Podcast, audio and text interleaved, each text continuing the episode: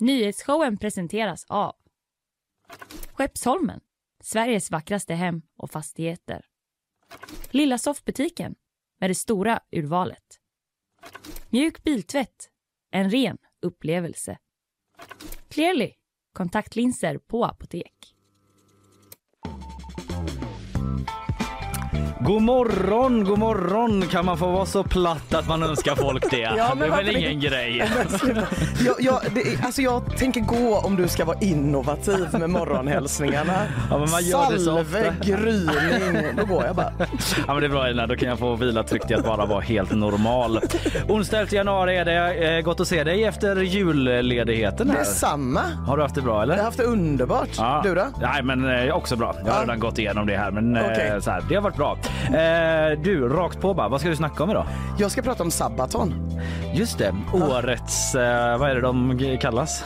Årets, Årets folkbildare. årets folkbildare heter priset ja. De fick ju det ja. Men det har varit lite fram och Exakt, det tillbaka har varit lite fram och tillbaka. Sen blir det lite, någon liten, någon liten kung och någon liten rymd som kan flimra förbi. Mm.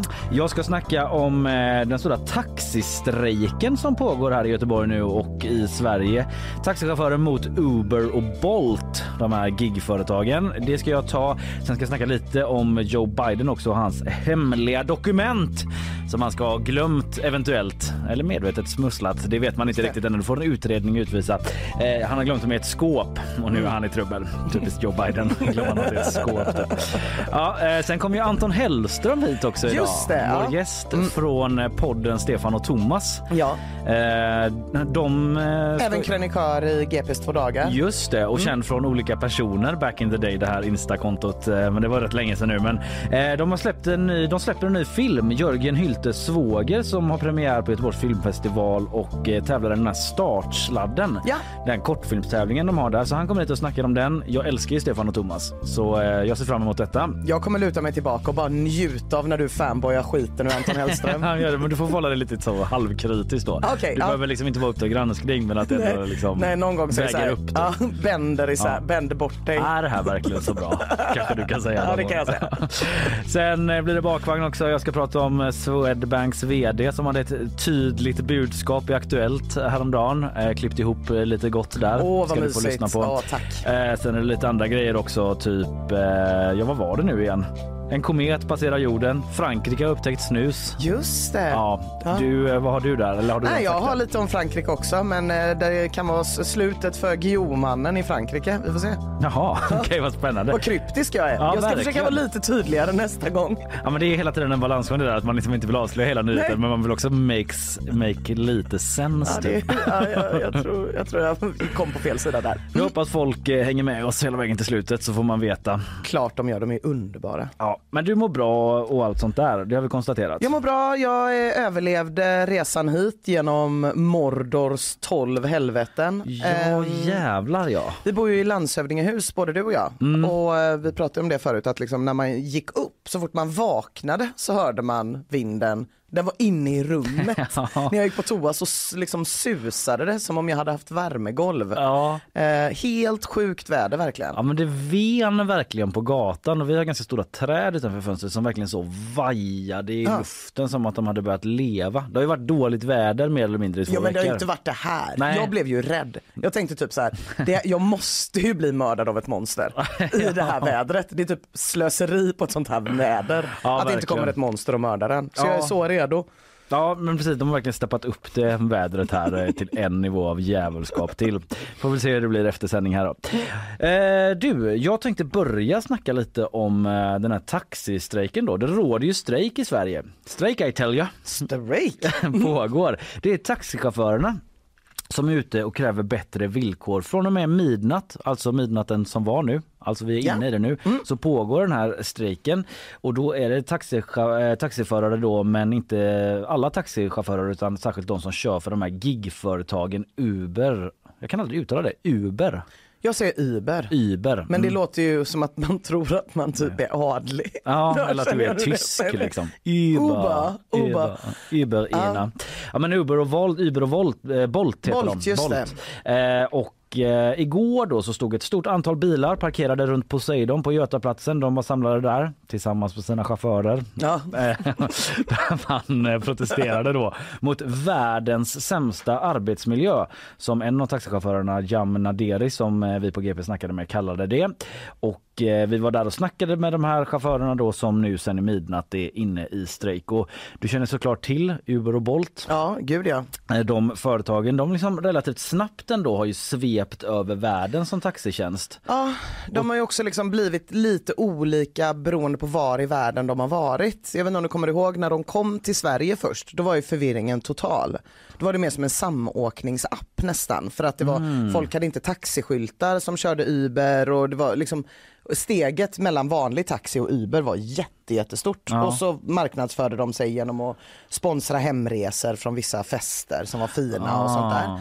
Eh, och sen så fick de ju inte ha kvar det systemet som är mer likt hur det är i USA. Aha, att du bara okej. kan som en privatperson, du behöver ingen taxilicens eller Nej, någonting. nej, nej. Eh, men sen så ändrade de ju det så nu har man ju liksom försvenskat det lite grann. Så det, ja, jag tror att det är nog en del av att det har blivit så jävla stort. Att det känns som att de kan anpassa sig efter hur Ja, det. regler funkar runt om. i typ. olika länder. Mm, förutom då att folk ska ha betalt som gör det verkar det som. Ja, för det Enligt det, de här. Ja, men det är det de är arga för att de inte tycker de får tillräckligt bra betalt och eh, ja, liksom eh, ja, men alla vet ju hur det funkar, men det är ju så att förare själva signar upp sig till den här appen då och så får de eh, körningar via appen som folk bokar då så kan man fortfarande om jag mm, så här ratea förare och sådana där grejer. Eh, sen har jag en, liksom, en liten teori eh, som jag bara vill dra som helt eh, saknar vetenskapligt stöd. Kanske en konspirationsteori till och med. Eh, det är väl ändå den högsta formen av teoribildning. Ja, men att Uber då, och det här är inte så himla konspirationsteoriet för det är jättevanligt då, men att de jag bara fick känslan av att det var något år de måste ha betalat jättemånga underhållningsmänniskor och organisationer för att få ut sitt namn. Att de liksom produktplacerat sig in i massa serier och typ till och med låtar och sånt. Ja. Och eh, jag säger konspiration för jag har liksom inga bevis för det. Sen är Nej. det ett ganska vanligt eh, reklamgrepp Ja. såklart. Jo. Men att eh, de var med i massa så serier, Silicon Valley, de pratade om det där. Typ. Jag säger verkligen inte att Sara Larsson är betald av Uber, men den här textraden. Vänta, jag tar den igen. Alltså hon sjunger om det där. Ja, Men, ja, man man kan ju verkligen fråga sig vad syftet är med att inte bara säga cab ja, eller exakt. car. Just- Typ. Precis, eh, man hade kunnat göra det. Eh, Sen så är det väl viss, eh, säkert så liksom att ja, folk vill väl bara låta aktuella och hålla ajour typ som att man hänger med. Mm. Ja. Sara Larsson vill ju inte låta som en tönt som åker vanlig taxi Nej. utan åker den där coola liksom appen Uber. Eh, Så kan det också vara, det kan också vara en förklaring. Jag säger bara att de tog världen med storm liksom Mm. på många fronter och nu är de i Sverige och de här förarna, många av dem är trötta som fan på dem och deras villkor. Eh, Jam Nandere då som jag nämnde i början, en av chaufförerna som var ute och demonstrerade igår vid Poseidon där, han säger till oss på GP att det pågår ett priskrig då mellan Uber och Bolt. Att de hela tiden sänker sina priser eh, för att konkurrera mot varandra samtidigt som ju allt annat blir dyrare i samhället. Inte minst bensin. Nej just det. Det känner vi till. Och el, Ja. om man har elbil. Eh, De sänkte, priserna i dec- de sänkte priserna i december vilket innebär att vi måste jobba minst 13 timmar om dagen för att kunna ställa mat på bordet, säger Jamnaderi. Eh, Så nu ställer de då krav på Uber och Bolt att de vill att de höjer sina priser och eh, samtidigt eh, sänker sina avgifter. Det blir lite dyrare att åka och att de tar lite mindre av kakan då. För idag så tar Uber 25 av, eh, Av intäkterna den- ja, mm. på körningarna och eh, Bolt har 20 Mm. Så man vill ha mer av kakan, man vill ha OB-tillägg också och ett bättre system. Mm. För en grej som de tar upp då, de här chaufförerna som vi på GP snackat med, det är att eh, man är liksom helt maktlös känner de inför de här globala företagen, typ vad de har för Ja. regler som gäller för de är så svåra att nå. Ja sådär. precis och att det inte är ett normalt, eller normalt, att det inte är ett vanligt anställningsförhållande utan Nej. att de här då är frilansare. Chaufförerna gör ju också att det blir så himla mycket svårare jämfört, alltså då är det så här, vi är bara två företagare, ja men det är också Uber mot enmansföretaget Jamal kanske. Så kan det vara ja. Och det är en ganska ny företeelse här i Sverige med vår långa historia av avtalsrörelser och så vidare. Eh, och Och eh, då är liksom ett problem då som de ställs inför är att om man tackar nej till körningar flera gånger då kan man bli liksom bannad från att få fler, att man liksom hackas ner i en prioriteringslista. Mm. Eh, Kejan Arja är en av förarna som han drar ett exempel då för oss på GP. Han säger så här att om jag är i Landvetter efter en körning och så har jag kört dit så liksom dyker det upp en beställning i appen, en körning mellan typ Götaplatsen och Centralen för 169 kronor. Mm. Då är det inte rimligt säger han att jag gör den resan från Landvetter in och tar den körningen. Eh, för han tjänar liksom inte nej. på det. Men om han tackar nej till den körningen då kan han bli liksom bannad från att få fler körningar. Och prioriteras ner där. Så det systemet tycker de är skit. Ja, det låter ju inte inte så skitbra nej. nej. Nej, för då är man verkligen i händerna då på den appen och ja. Ja men verkligen plus att jag tänker att då, ja det är ju dåligt på alla sätt. Ja, sorry, fortsätt. Ja, nej, men det, det, de, eh, det vill de ha ändring på. Vad säger då Bolt och Uber? Ingenting, Ingenting. säger de. Dock skriver de ja, för de vill de. svara mm. skriftligt. Mm. Det är lite det många företag gör nu ja. när man eh, står mm. inför liksom, kritik då. Uh, upplever jag, en liten personlig reflektion mitt uppe i det hela. Uh, jag citerar från vår artikel då från Bolts Sverigechef Lina Dalander. Hon uh, skriver så här till oss att Bolt är den digitala tjänst som, har tagit, som tar lägst avgift och att om de höjer priserna så kommer beställningarna att minska. Alla taxichaufförer bara all right, men vad bra. Strejk kolon nedlagd. Det var bara det här missförståndet vi inte hade förstått. Ja, det känns ju bara som en redogörelse för att mm. det är jättebilligt och därför så är det många som åker Bolt. Ja. Liksom, så, ja. bara, mm, men så är det väl. Eh, men hon fortsätter också och säger att de eh, Istället att man då jobbar på en modell i form av rabatter till kunder för att öka körningarna. Jag vet inte exakt vad det, det låter betyder. bara som att det då ska bli ännu billigare. Ja, typ för kunderna då. Ja. Eh, någon sorts rabatt. Jag känner men... så otroligt sällan att jag hör människor klaga på att det är för dyrt att ta en Uber. Nej, det har jag sällan hört. Jag har aldrig hört någon säga Bolt, alltså det har blivit så dyrt nu. Nej precis, det är inte det. Det brukar vara mer så smör och bensin och sånt ja, man pratar om nu, ja. inte Bolt. Det Nej. kanske är en sån lyxutgift också. jo det är sant. Taxi. Men i alla fall hon säger, skriver också att flera partners ansluter sig till Bolt vilket visar att de är, har ett bra erbjudande. Så typ så här, hur kan vi vara så dåliga när så många använder oss? Jag hörde faktiskt samma sak från en gängledare som sa det, som sålde ladd. Folk älskar ladd. Mer och mer faktiskt. Skoja. Återkommande rabatter till flitiga kunder. Ett skämt av mig eh, så jag inte kunde hålla mig välmening. I all välmening. Good sport. De goda sportsen på Bolt kan väl ta ett skämt. Peter Lövstrand då, Nordenchef på Uber. Eh, han svarar också skriftligt, eh, säger att de tar för, förarnas feedback på stort allvar och att de gjort flera förbättringar. Vi har bland annat infört flera prishöjningar under förra året och fortsätter att följa utvecklingen och lyssna på förares feedback, säger de. Mm.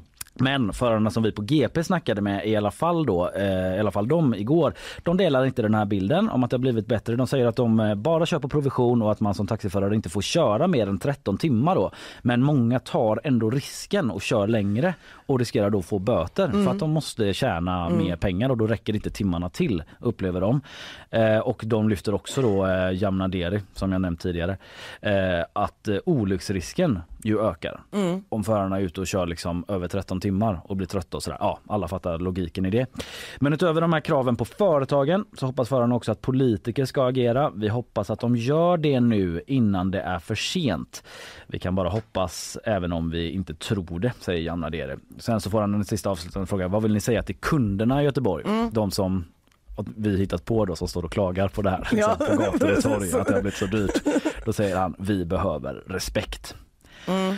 Så strejken pågår. Ja. Eh, vi får väl se liksom om eh, de kan få annat än skriftliga svar från Uber och Bolt. Ja, de precis. som strejkar och vad som händer. Ja. Och, eh, ja. ja nej, men det blir, det blir svårt det här som sagt. Vi har inte haft det i Sverige innan. Vi har ju liksom lagstiftning för människor som är anställda och sen har vi lagstiftning för en konsument versus ett företag. Men lagstiftningen kring företag versus företag, där ser man ju ändå, det är två jämlikar. De mm. kan bara sluta ett avtal. Mm. Men ja, det är ganska stor skillnad på de här företagen. Det är en spännande ny värld mm. vi lever i. Vi har gjort ett jättemisstag i våran kalkyl. Där vi tänkte det skulle regna ett par dagar och gå folk och handlar. Vi vågar inte räkna med att vi skulle ha brasseväder i hel vecka. Det där var Göran Johansson, eh, den enda liksom självkritiken han hade Ja. inför VM i friidrott 95. 95. Som blev starten på hela Göteborgskalas och Jo då. evenemangsdragsgrejen. Att eh, de hade räknat med att det skulle regna men så blev det brasseväder Ja, det hela var, veckan. jag minns det som igår, vilket Ja. brasseväder det var. Kanonväder. Oj, oj, oj. Eh, brassestol kunde man även använda sig av då. Du, eh, nu ska vi ta lite sponsormeddelanden, sen blir det Sabaton. Det blir det. Nyhetsshowen presenteras av Skeppsholmen, Sveriges vackraste hem och fastigheter. Lilla soffbutiken med det stora urvalet. Mjuk biltvätt, en ren upplevelse. Clearly, kontaktlinser på apotek. Ja, vi ska prata om eh, årets eh, folkbildare som har ifrågasatts lite grann det valet, eh, nämligen Sabaton. Det ska du göra snart Ina, men vi ska också få nyhetssvep. Eh, god morgon Isabella. Du ska få en mick också. Nu hörs jag lite bättre. Där God hörs morgon. du. Ja precis, jag kan gå i god för att du sa god morgon direkt. Jag hörde det också. Du är inte så morgontrött Nej, att du väntade till nu. Exakt, jag kommer heller inte byta morgonfras. Mm. Jag kommer köra min god morgon. Ja. Känner mig så du, trygg. Ja men det kanske säger mer om mig att jag blir så osäker när jag säger en så enkel sak som god morgon för att jag ska liksom, eh, nu är, det, nu är jag passé, nu är jag För att du ska över. kännas basic. Ja, ska exakt. säga så, hörde du vad han sa eller? Han är så basic, Kalle Berg. God morgon, vad då är det typ 1400-talet? Har du hört? Imorgon är det la goder morgon typ. Ye old morrow. Ja, du Isabella, eh, without further ado så släpper jag över till dig och nyhetssvepet. Varsågod. En av de häktade kvinnorna som misstänks ligga bakom 21-åriga Toves död har erkänt gravfridsbrott och ett fall av misshandel. Detta rapporterar P4 Jönköping. Tove försvann efter en utekväll i Vetlanda i november förra året och hittades senare avliden efter en större sökinsats. Polisen har kunnat koppla den häktade kvinnans lägenhet till brottet som fortsatt ändå nekar till mord. Ytterligare en kvinna sitter häktad men hur hon ställer sig till misstankarna är i nuläget oklart. Kraftiga översvämningar har drabbat delar av Kalifornien efter att ett omfattande skyfall dragit in över delstaten. Boende i flera områden uppmanas att lämna sina hem och en femårig pojke rapporteras försvunnen efter att ha svepts med i vattenströmmarna. En omfattande sökinsats inleddes men avbröts efter sju timmar då räddningstjänsten ansåg att det var för farligt att fortsätta. I natt genomfördes den 80 upplagan av Golden Globe-galan men trots flera nomineringar så blev det inga priser till svenskarna. Ruben Östlunds Triangle of Sadness var bland annat nominerad i bästa musikal eller komedi men fick lämna galan tomhänt. Och kompositören Ludwig Göransson gick samma öde till mötes. Steven Spielberg pekas ut som galans stora vinnare då han tog hem kategorierna bästa dramafilm och bästa regi för hans film The Fablemans. Tack för det. Golden Globes ja, flöjit lite under min radar. Ja, jag hade helt missat. Jag kände direkt så här, varför var inte jag uppe och tittade på det? De har inte kört va? Eh, det har varit något sorts pan- uppehåll. Pandemiuppehåll eller? Ah, Ja, mm. så var de tillbaka nu. Nej men eh, precis, brukar du vara, är du en sån som sitter uppe? Eh, ja, men jag, jag, jag är en god uppesittare. Jag tycker det är gött att sitta uppe generellt när det är något. Att man, den här lägereldskänslan. att man Ja. så, nu, nu händer det. Men kanske jag snarare skulle göra det för Oscarsgalan än för Golden Globe. Ja, det är Men, väl eh, jag tyvärr vet så det är jag för Golden ska- Globe ofta. Jag ska scrolla highlights i eftermiddag. Ja men Jag jag gjorde lite, alltså jag såg det i morse och bara kollade snabbt. Dels kunde jag konstatera att jag kände till väldigt få filmer Ja. och serier. Så känner jag allt Ja. när det kommer till sådana här galor. Men det är väl att det ofta är sånt som har bara haft premiär i USA Ja, eh, just som det. inte nått hit riktigt ännu. Men annars tycker jag ju oftast det roligaste är att kolla på programledarnas eh, öppningsmonologer Ja. och Mm. skämt och roast och sånt. Jag har bara hunnit se ett då och eh, jag kan spela det eh, direkt från eh, Twitter här. Eh, det är, gud nu har jag tappat namnet på den här programledaren. Det är någon kille från SNL typ som jag inte kände till. Eh, men han drog ett skämt om eh, Tom Cruise och scientologikyrkan eh, som liksom typ, ja stämningen blev sådär. i. Nu hoppas jag att ljudet går igenom bra här. Ja men vänta lite nu så gjorde det ju inte det bara för det. Varför låter den inte... Ah vilken Ja. fail. Ja, fast jag tycker att kan inte du bara återberätta skämtet typ så som du tror att det var? Det är för att jag har dragit upp fel, fel regel. Vänta nu tror jag att det börjar. I found these Han står med tre statyetter i handen. three Golden Globe Awards that Tom Cruise returned. Uh, look, I'm just the host briefly or whatever, but I have a pitch. I think maybe we take these three things and exchange them for the safe return of Shelly Miskovich. Ja, det var skämtet alltså. Oj, ja. Shelly Miscavige är ju David Miscavige eh, fru då, han som Mm. är ledare för scientologikyrkan. Hon har liksom inte setts offentligt sedan 2007. Så det var ändå ett, ett skämt. Ja, ni hörde ju reaktionen i rummet. Ja. Det var hårt ja. Mm. Men eh, det är det som jag har sett eh, skämtet som är mest delat i alla fall hittills. Hittills, ja. Minirapport från mig. Tack för Trevligt. det. Jag blir ändå glad. Ja. Eh, tack ska du ha Isabella. Tack så Vi mycket. hör Precis. från dig igen lite senare. Ja, det gör vi. Akta i backarna. Ordet katastrof ska vi inte använda i de här sammanhangen. Nej, kanske Det, inte. det är jordbävningar och lite Ja, andra jo, det är sant. vi men inte men det använder du och, och Nej, inte jag längre. Och, och Aldrig. det Inte under de senaste åren. Nej, okej. Finns inte. Förlåt, jag vet att vi inte nödvändigtvis måste kommentera alla jinglar, men Nej. jag har inte varit här på ett tag. Vad var det där? Ja, men det är från JVM med hockey när Micke Renberg, experten, säger att Ja, Sveriges just insats var katastrof just just och. Chris Härenstam shamear honom å det grövsta att man inte får säga Som en katastrof. blixt från klar himmel. ja verkligen, man trodde verkligen att de var kollegor. Ja, hur, vad var det för wokeberg som Härenstam ville dö på där? Typ. Katastrof. Inte i min studio använder vi inte K-ordet. Typ. Det är så otroligt konstigt.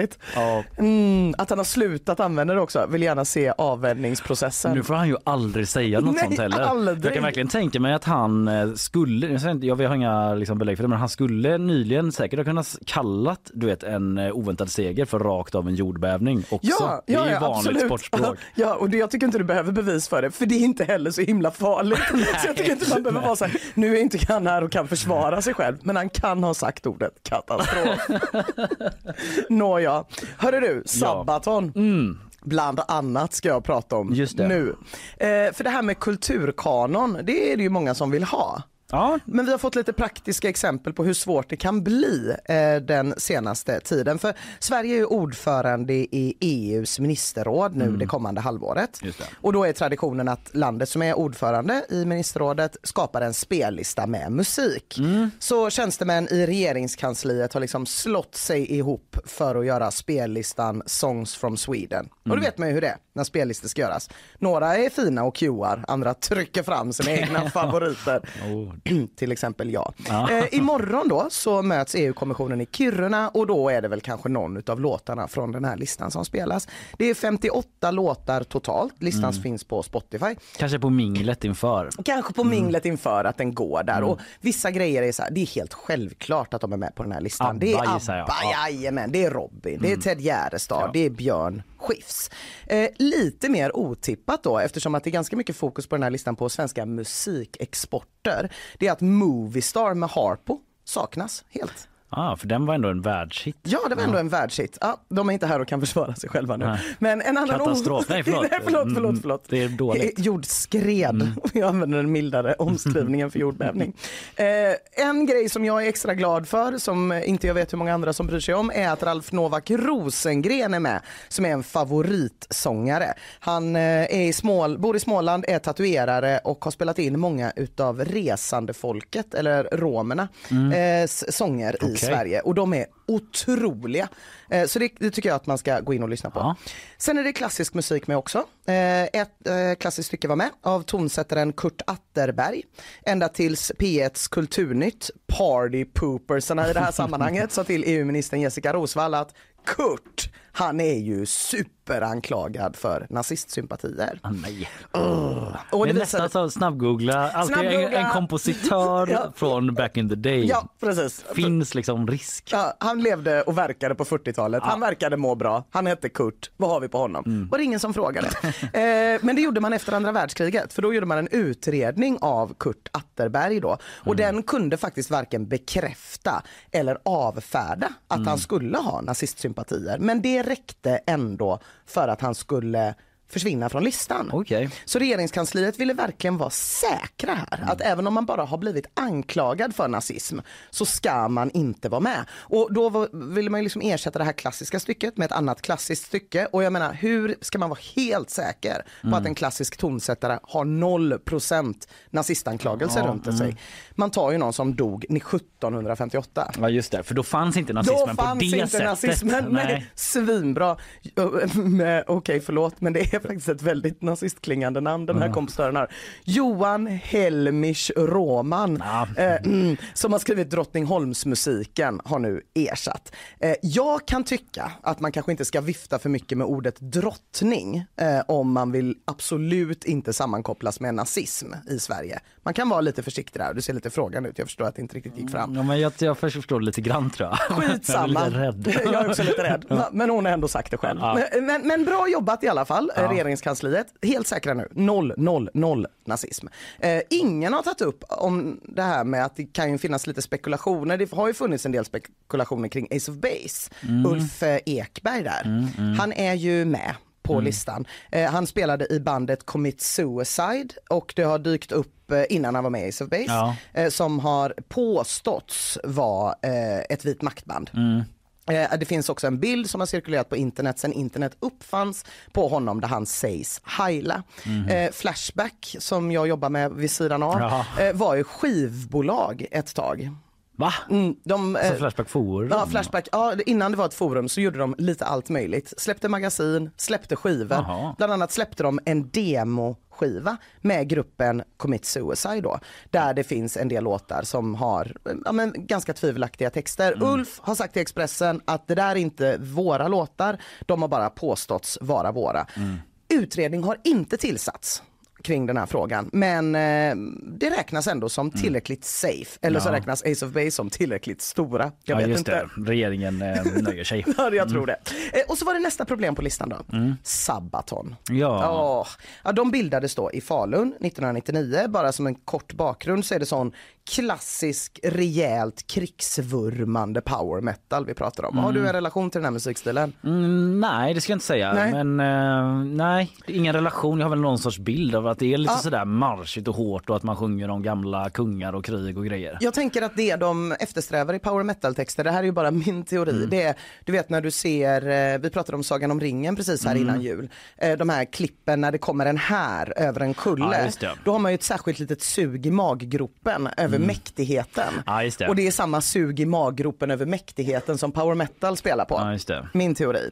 Eh, de då, Sabaton, är kända för eh, ja, lite krigsgoa skivor som heter saker som The Art of War eller The Great War eller The War to End All Wars. De gillar krig. De gillar krig. Och på den här... Hela eh, vägen från förskolan. Vi leker krig då.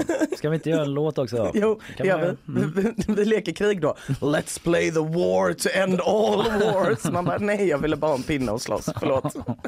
Eh, och deras låt då, Carolus Rex, var med på eh, den här Sounds of Sweden från början. Eh, Carolus Rex då eh, syftar ju på Karl XII. Mm. Sveriges sämsta kung. Ja, Nej, men- liksom, en, en helt vanlig kung men, men ganska älskad av nazister får man säga. Det sticker man inte ut hakan Nej, om man säger det. där. Men jag menar bara att han typ eh, hade något fälttåg mot Ryssland som Ja. gick åt helvete. Ja. Eventuellt blev mördad av sina egna soldater. Nej det blev han kanske inte i och för sig. Men skitsamma. Ja. Det var i alla fall, allt gick inte kanon honom. Allt gick inte kanon. Bender fick han sitta trycka ett tag. Det var väl inte planerat. Nej, men vem vill göra det? eh, och Sabaton, det här gör ju naturligtvis inte Sabaton till nazister på något sätt. De är ju bara rätt imponerade av krig och slag. Eh, en del av texten till Carolus Rex är allt jag ser vill ha mer, vem ska stoppa mig? Hela Europa ska böja sig för min armé. Eh, och det är faktiskt helt vanliga power metal lyrics. Här fanns noll oro för nazistanklagelser från regeringskansliet men ändå plockade Sabaton bort från Songs of Sweden eftersom de spelade på ockuperade Krimhalvön 2015 för mc-gänget Nattvargarna, det vill säga typ Putins Hells Angels. Jaha, de var i publiken. Ja, eh, och, och, och liksom här någonstans undrar man lite varför inte Songs of Sweden, alltså gänget där på regeringskansliet, kör en snabb googling. Här på Sabaton Ja, innan. ja, ja. Eh, att det här med Kurt Atterberg, vi pratar om, det finns ju att se att han var i en sån här utredning. Men man borde Det ju- krävs liksom gänget på P1 Ja det de ska krävs, höra av sig. precis, de bara Kurt! Va? Honom pratar vi om varje dag på P2. Hur Vi kan ni har inte veta inte det? här? kommit fram till om han är nazist eller inte. Nej. Vi hade debatt så sent som igår, vi skickade ut pressmeddelanden. Vad var ni? Eh, men det här är ju en ganska eh, spridd eh, grej, att de spelade där. Och den har kritiserats jätte- jättemycket. Eh, men eh, det är, ju, ja, och det är ju ganska problematiskt att spela där. Eh, inte för Sabatons basist då, Per Sundström, som sa till Aftonbladet om den här kritiserade spelningen, politiker gör politik, hårdrockare gör hårdrock. Sådär, ja. Det, precis, det, så kan det väl vara. Politikerna gjorde ju politik då och tog bort Sabaton från Songs of Sweden. Eh, och det var eh, lite svårt för dem då tror jag, för det var typ den enda metal-låten på den här listan. Mhm. Och metal är ju en musikstil som är extremt förknippad med Sverige, inte minst utomlands. Och framgångsrika där. eh, Sjukt framgångsrika och the Swedish sound och allt det här. Mm. Och, eh, alltså, kanske är det min fördom om politikers metalintresse men det känns som att det blev ett jävla bakslag när Sabaton försvann. Mm. Det känns som att de famlade på regeringskansliet och att de inte direkt visste vem de skulle kasta in istället. Nej, liksom. nej. Eh, Jag är inte själv jättemetalintresserad. Jag hade gissat på Entombed i det här läget för Ja, de har jag ändå hört säger om. mig nästan ingenting. Alltså. Nej. Men, ja just det, fortsätt förlåt. Men det var någon på regeringskansliet då som visade sig gilla riktigt så finsmakar metal som har en tiondel så många lyssnare som Sabaton och valde då eh, bandet Bathory med låten Hades. Det kan ha varit så att de också bara tog det enda renodlade metalbandet som är med i Swedish Music Hall of Fame Ja. och tänkte att de har väl kollat upp att de inte är det. nazister. Ja, för man måste vara ganska nervös nu när det är så Ja. många som typ hör av sig. Ja. Telefonen ringer bara nej är det P2 nu igen? Ja, typ att man, ja, svårt att välja då. Precis, förr eller senare så kommer Mm. någon kanske komma med och, och prata om den här Ace of Base grejen som Det det, talades mycket om för tio år Klassiskt sedan. misstag annars att liksom tro att bara för någon annan har det så har de så kollat är det lugnt. Ja, ja. Ja. Eh, nej precis, så att det, det, det var lite tråkigt men där rök Sabaton i alla Mm. fall.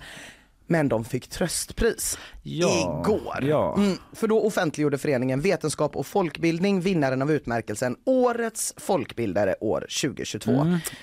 Det är ju en grej som brukar få uppmärksamhet. Det brukar det. Mm. Och Vetenskap och folkbildning för de som inte vet då, det är en ideell förening. De har en väldigt bestämd uppfattning om vad som är vetenskap och vad som inte är vetenskap. Eh, Saker de gillar då är typ astrofysik, Mm. seismologi, eh, folk som är hundraprocentiga ateister och inte använder ord som herregud. Eh, Saker som de inte gillar är astrologi, homeopater och kvällstidningsartiklar om bär som botar cancer. Det hatar de. Okej, jag har en bild. Mm, de har också en podd som heter Skeptikerpodden och de har delat ut utmärkelserna Årets folkbildare och Årets förvillare sedan 1987. Och i år då så gick priset till Årets förvillare till Aftonbladet och Expressen för framförallt sjö, eh, rapportering kring, kring sköldkörtelproblem som ansågs inte vara vetenskapliga. Och till Årets folkbildare till Sabaton med motiveringen att de framställer historiska skeenden på ett bra och korrekt sätt. Vetenskap och folkbildning skriver också, sålunda har bandet under många år fått människor att intressera sig för historia och bättre förstå historia som vetenskap på ett sätt som ingen vanligtvis förväntar sig av musikartister. Eh, I och med att de då till exempel har en Shots hel skiva. ändå mot musikartister. Ja, men, precis, att man är lite så, ja Sara Larsson vi har kollat lite närmare på det här och du åkte en Uber i december så årets förvillare till dig. och i och med detta då så ansluter sig Sabaton till skaran av tidigare folkbildare som till exempel tv-programmet Fråga Lund, eh, sajten Viralgranskaren och personen Hans Rosling. Det är, Sabaton är lite en udda fågel i det här sammanhanget kanske vi kan säga. Det, det ska sägas i och för sig att Skalman har fått priset en gång så att eh, det Alltså från Bamse? Ja, Eh, så att det kan tydligen eh, gå även till påhittade Till figurer. figurer. Ja. Eh, och några Twitter-reaktioner på det här priset är synnerligen illa tajmat eller grattis Sabaton väl värt eller exakt hur har Sabaton bildat folket? Och det där funderade jag över lite också för visst absolut, jag är ju en första världskrigs-Gary och om det är historiskt korrekta texter, det är det ofta, så visst det kanske kännas lite extra mäktigt men jag tycker ändå det var svårt att motivera det med det. Så jag tror jag hittat anledningen här då till att de har fått priset. För utöver musiken så driver Sabaton Youtube-kanalen Sabaton History där de går igenom olika historiska slag eh, och Sabaton-låtarna som handlar om de här historiska slagen. Vi tar och lyssnar på ett klipp. I'm Indy Nidell. And I'm Joakim from Sabaton, and this is Sabaton History. Ja du hör ju. Sabaton History. Sabaton Det är History. en sån ABBA. Drrr, det börjar ju Dancing Queen börjar. Ja. Ja, det- ja, faktiskt. Ja, och här finns då klipp med namn som The Unkillable Soldier, Agent Carton the We Art eller Steel Commanders, Tanks and Panzer eller Killing Ground, The Battle of Fraustadt eller den här bubblan, den måste också med. The Attack of the Dead Man Part 2, Gas, Gas, Gas. Oj. Slutet gott, allting Science. gott! Slutet gott, allting gott. Ända till sent igår kväll, Ja. Kalle. Ja, då hade nämligen vetenskap och folkbildning också sökt på internet. Alltså folk måste göra det lite mer innan känns det som. det de måste göra Som lite basic tidigare. grej bara. Det är som basic grej. De hade hittat ett citat från 2016 eh, ur Sweden Rock Magazine där Per Sundström, Sabatons basist, du vet Mr Politiker gör politik, hårdrockare gör hårdrock, sa några inte helt opolitiska grejer apropå spelningen på Krimhalvön. Ja. Då sa han Åker man till Sevastopol upplever man knappast att de känner sig ockuperade utan tvärtom. Under alla år har de känt sig som ryssar men behandlats som en liten bit av Ukraina. Facts fired? Frågetecken. Upplever man, som han då lutar sig på här för att säga hur det ligger till på Krimhalvön. Det är ju inte direkt en formulering som vetenskap och folkbildning älskar. Nej, Så nej. idag ska styrelsen se över om Sabaton ska få behålla Mm, just det. utmärkelsen eller inte. För sin liksom finstämda magkänsla om situationen på Krim. Årets folkbildare, basisten i Sabaton.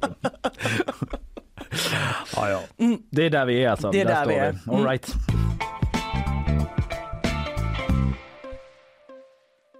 All right. Eh, vi ska hinna med en grej till då innan en liten kortis jag har innan Anton Hellström från eh, Stefan och Thomas eh, podden. De Ja. har gjort en film eh, baserat på den podden eh, som går på filmfestivalen. Vi ska snacka med honom. Eh, men innan det då ska jag bara ta en kortis om eh, Joe eh, Biden. Vi ska till eh, USA alltså. Han är ju överraskad för du vet ju det att man eh, har eh, hittat Hemliga dokument! I ett skåp i hans privata kontor. De här dokumenten är från när han var vicepresident under Obama. Det handlar om säkerhetsklassade dokument, då, ett tiotal stycken. Det här uppdagades i början av eh, veckan, eller om det var i söndags till och med, som man hittade då på tankesmedjan Penn Biden Centers kontor när man var där och städade. Man var liksom inne i det här skåpet och plockade ihop lite mappar och grejer och så bara, men vänta lite, det här är ju dokument! De ska ju inte vara här. Det är ju inte efter gängse princip. Och det är ju lite konstigt dessutom eftersom om det är något man vet om Joe Biden så är det ju People know I take classified uh, documents and classified information seriously. han tar det på stort allvar. Det är liksom det man hör. eh, Vida känt hur allvarligt han ser på hemligstämplat material. Vi snackade ju om det vid kaffeapparaten bara häromdagen utan att veta att det här skulle komma upp. Det är så sjukt typ eh, hur stort allvar han tar det på.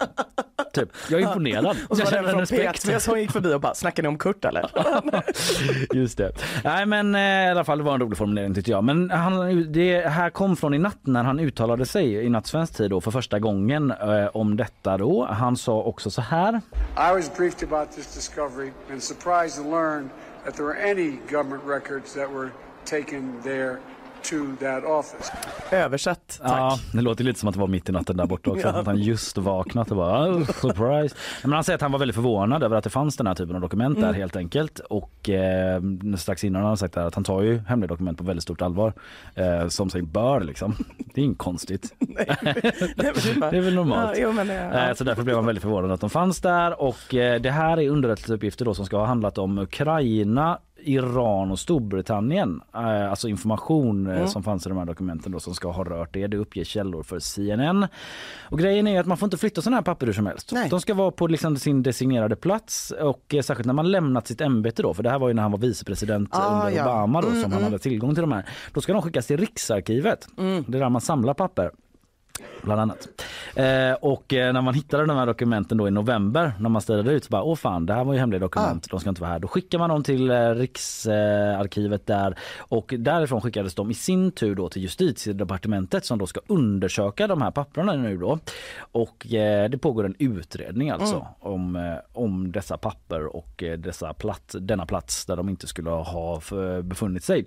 Och det är inte bara ett juridiskt problem då för Joe Biden utan också ett politiskt problem eftersom han och Demokraterna ju under en lång tid nu varit väldigt kritiska mot Donald Trump.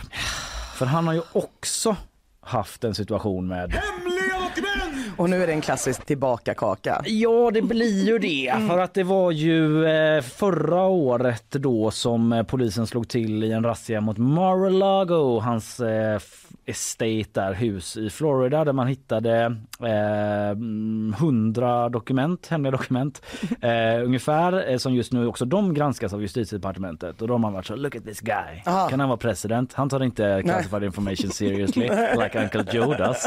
Eh, men nu visar det sig då tyvärr att eh, det blev Mm. tillbakakaka som du sa. Eh, och Republikanerna de har ju inte varit så här bara, ah, jag skiter i det här nu. typ så här, vi bryr oss inte. Alla vet ändå att han, det var Ja, ett misstag. Vi tar, Alla en, fel. ja, precis, vi tar en sak i taget. Först det här med Trump, då. sen får vi se om vi hinner med Joe. Så säger de inte. Utan de eh, har enligt eh, Sveriges Radio, då, där jag hörde formuleringen, varit snabba med att rikta kängor mot Joe Biden. De frågar sig varför myndigheterna varit så aggressiva mot Trump när det hände honom, men nu enligt dem då inte är lika upprörda och tar det på lika stort allvar, tycker de.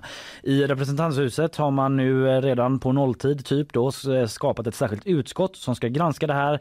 Det de menar då är myndigheternas försök att tysta konservativa i USA, vanliga medborgare och Trump i synnerhet. Jag ser framför mig hur de stod redo, de i den utredningen som är blixtinkallade. De har varit redo sedan de föddes och nu äntligen. Att granska just det här hur konservativa tystas. Ja. Precis. Sluta tysta mig. Jag kommer utreda hur, Ja. hur du tystar mig. De har fått hålla tillbaka dem med en sån spärr. De har stått där och slått på gallret i 20 Ja. år. Nu är de släppta. Vi får se vad de kommer fram till.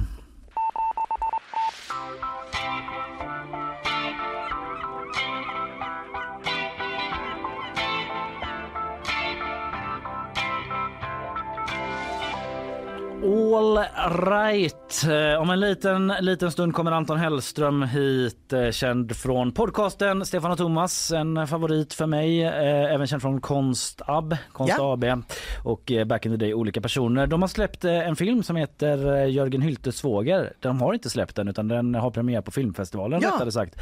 Den tävlar i den här kortfilmstävlingen Startsladden. Så vi ska snacka om den filmen och om podden och om Stefan och Thomas då eh, med Anton om en stund. Men innan det tar vi lite sponsormeddelanden.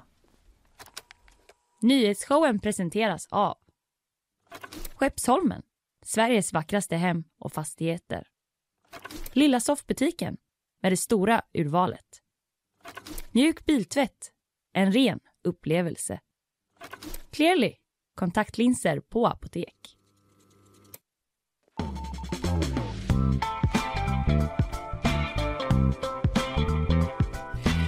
Yes, eh, alldeles eh, snart ska vi tala med Anton Hellström eh, om den nya filmen som har premiär på filmfestivalen baserad på Stefan och Thomas podden. Filmen heter Jörgen Hyltes svåger.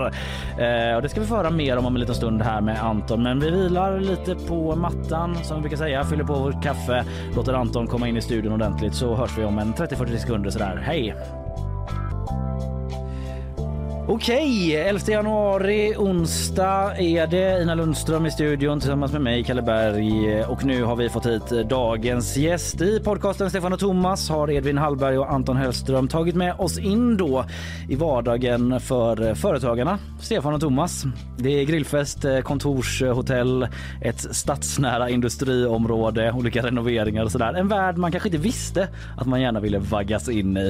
Eh, men har man börjat lyssna så är det rätt svårt att sluta har i alla fall jag upplevt Eh, och snart blir det kortfilm av det hela då där eh, karaktärerna ur podden samlas och eh, den kommer visas på Göteborgs filmfestival och tävla i startsladden. Välkommen till nyhetsshowen Anton Hellström. Tack så mycket, kul att vara här. Kul att ha dig här. Mm. Du fick också kämpa dig fram i regnet här under morgonen. Exakt. Ja, det var lika illa, du vet inte hur det var när vi gick upp kanske men det var rätt pissigt. Ja, det var, det var hårt idag alltså. Ja. Du, den här filmen då, Mm. eh, den heter Jörgen Hyltes svåger Yes. och är en av åtta nominerade kortfilmer i Startsladden då som eh, festivalen själva kallar för eh, Sveriges främsta kortfilmstävling. Nej, men jag hörde Mm. några säga det förut vid kaffet också. Det är Ja. det det, är det, det sägs. Så det har spritts även utanför de Jajebus. interna dokumenten på filmfestivalen. Men du, innan vi kommer till filmen, för det ska vi Mm. göra, den vill jag prata mycket om. Men så känner jag att eh, vi får liksom ta med folk lite grann och försöka presentera vad Stefan och Thomas är då, så Mm. folk är med. Eh, jag ska spela några sekunder eh, från ett avsnitt då, eh, från Stefan och, podd, eh, Stefan och podden, Stefan och Thomas. Bara för att få en bild av hur det låter. Vi kommer in precis i inledningen här då av avsnitt 243 som heter Sitter inne på lite historis. Eh, vi ska lyssna på det. Förlåt, ni ska klicka fram det också. Här kommer det. Någon som Andreas Bremer har ju alltid haft lätt till eh, skratt. Ja. Och det gör det ju inte lättare i och med att han eh, samtidigt jobbar vid sidan om eh, Mjällborn hela dagarna då. Ja, just det. Som eh, levererar jokes typ i kvarten. Och, Ja.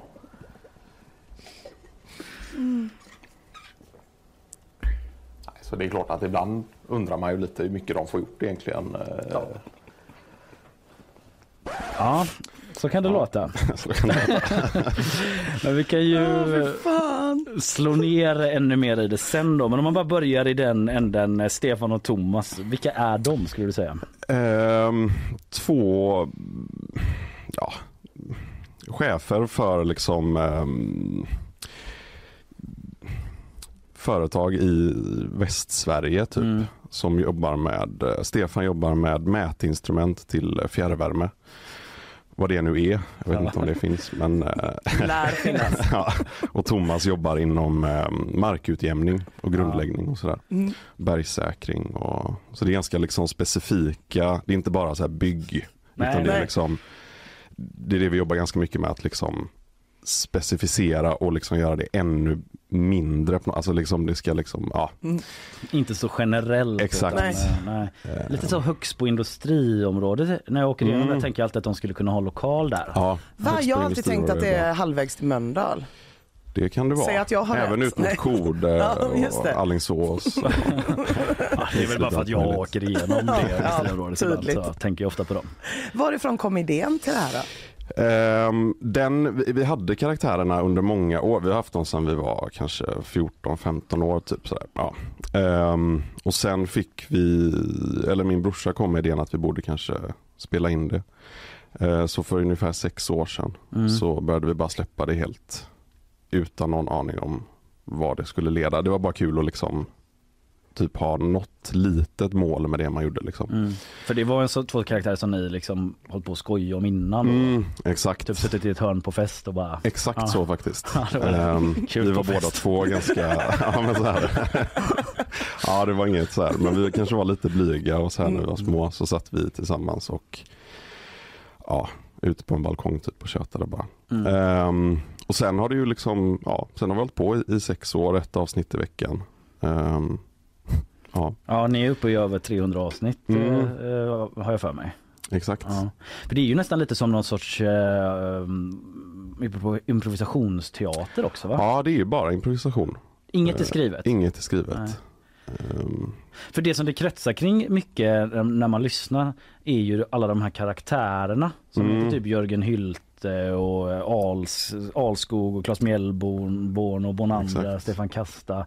Så det är alltid så när ni går in då att du vet liksom inte vad som ska hända med dem i det här avsnittet. ingen som helst aning. Nej. Och det kan också komma nya namn som eh, Edvin presenterar. Och då måste man ju haka på det direkt och liksom vara bara sådär att ja just det, ja, han finns ju och han gör ju det här och det här liksom.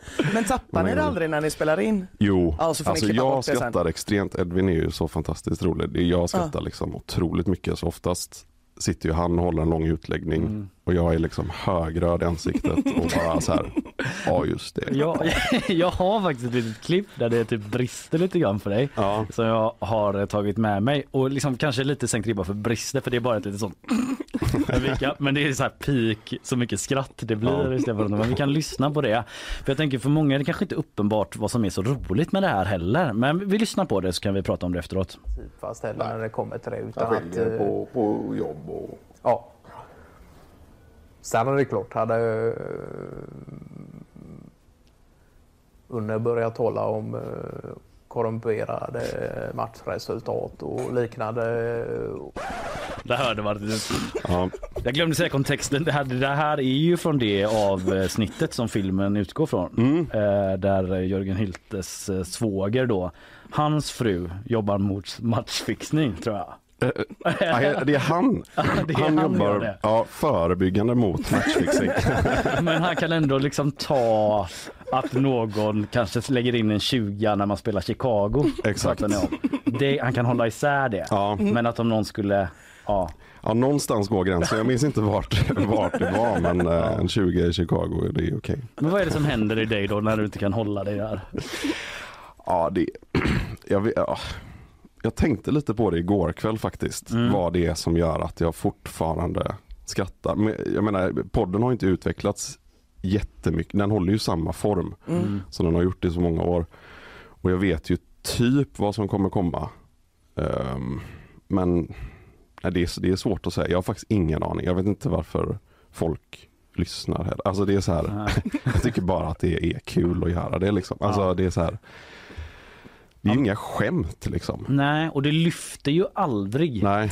Utan jag tänker att det är en grundprincip att det aldrig lyfter liksom humoristiskt på ett Precis. sätt och aldrig intellektuellt heller. Nej. För det håller sig ju alltid på en sån praktisk nivå om markhöjning Mm. eller så sociala. Jag vet inte om det är att man liksom har en önskan om att det ska och en tro att någon gång kommer det hända någonting men så liksom gör det aldrig det och, och man släpper aldrig den för man är så van vid att allt leder ju ofta någonstans Ja. eller liksom toppas eller blir dramatik eller något sånt där. För det är Men- någon sorts antidramaturgi Mm, nästan. Precis. Men det är också svinsvårt för jag, jag när det är den här typen utav humor, nu kan jag inte komma på något annat exempel på den här typen utav humor, men jag kan ju känna hur det skulle göra ont i hela kroppen om det helt plötsligt skulle komma ett sånt 10 av 10 skämt Mm. mitt i. Hur man bara så här, det bryter mot formen Ja. typ. Man hade ju bara Ja men det hade inte känts äkta Nej, då. nej. För det är väl det som är att man eh, någonstans, eh, många kan väl kanske känna igen den här karaktären på något sätt. Mm.